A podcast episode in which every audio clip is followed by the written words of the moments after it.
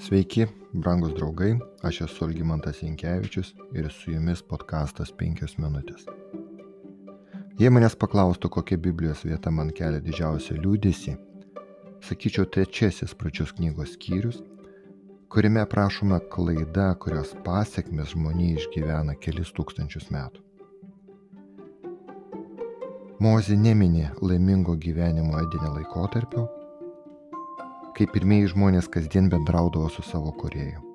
Jis tęsė pasakojimą pereidamas iškart prie nuopolio istorijos, kurios pasiekoje mūsų žemė iš laimės, meilės ir tobulo pasaulio virto liūdėsio, neapykantos ir blogio pasauliu.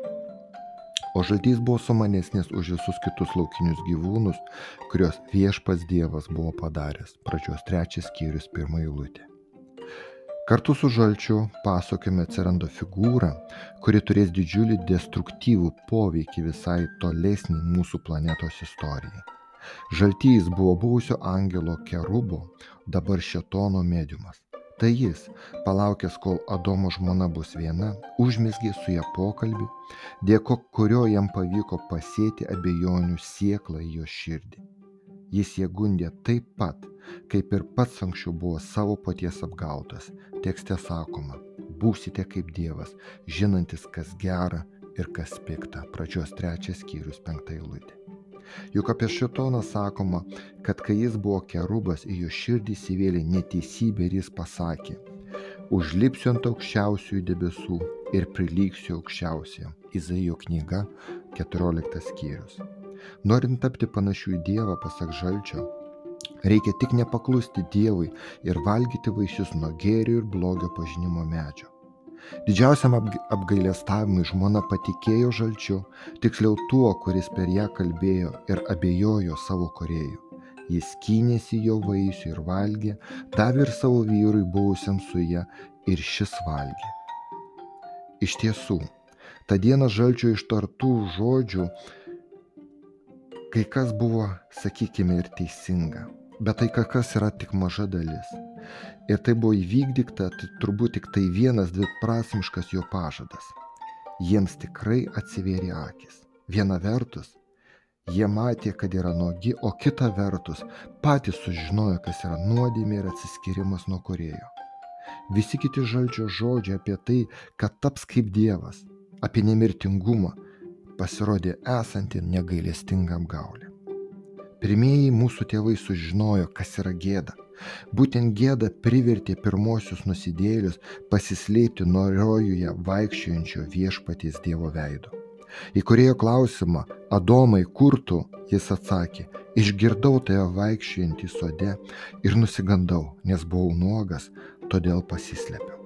Į Dievo klausimą, gal valgiai vaisių nuo medžio, kurio vaisių buvau tau įsakęs nevalgyti, jis atsakė, moteris, kurią man davėjai būti su manimi, davė man vaisių nuo to medžio ir aš valgiau. Pažiūrėkite, kas vyksta. Kaip radikaliai pasikeitė Domas. Jis bando perkelti savo kaltę bet kam, kad tik pasiteisintų. Žmona daro tą patį. Žaltys mane apgavo. Žmonės tapo nusidėliais. Tokie patys, kokie esame dabar ir mes.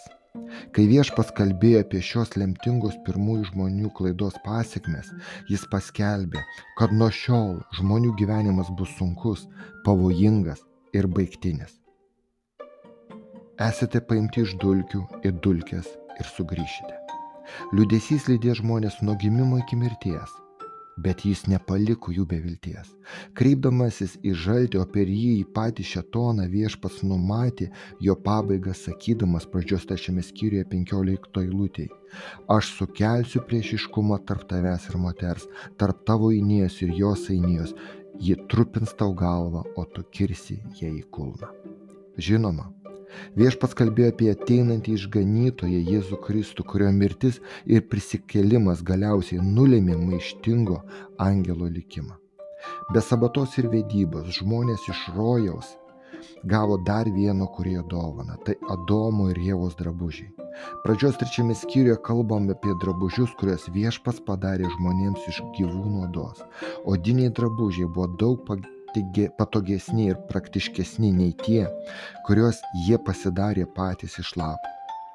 Drabužiai taip pat nuolat priminė jų prarastą gyvenimą be kalties, mirti kaip nuodėmės atlyginimą ir pažadėtą į Dievo vienėlį, kuris savo pakeičiančią mirtimi pašalins pasaulio nuodėmės. Jis turės mirti, kad ir Adomas, ir Jėva, ir jūs ir aš vėl galėtume gyventi gyvenime, kuriam Dievas sukūrė žmonės.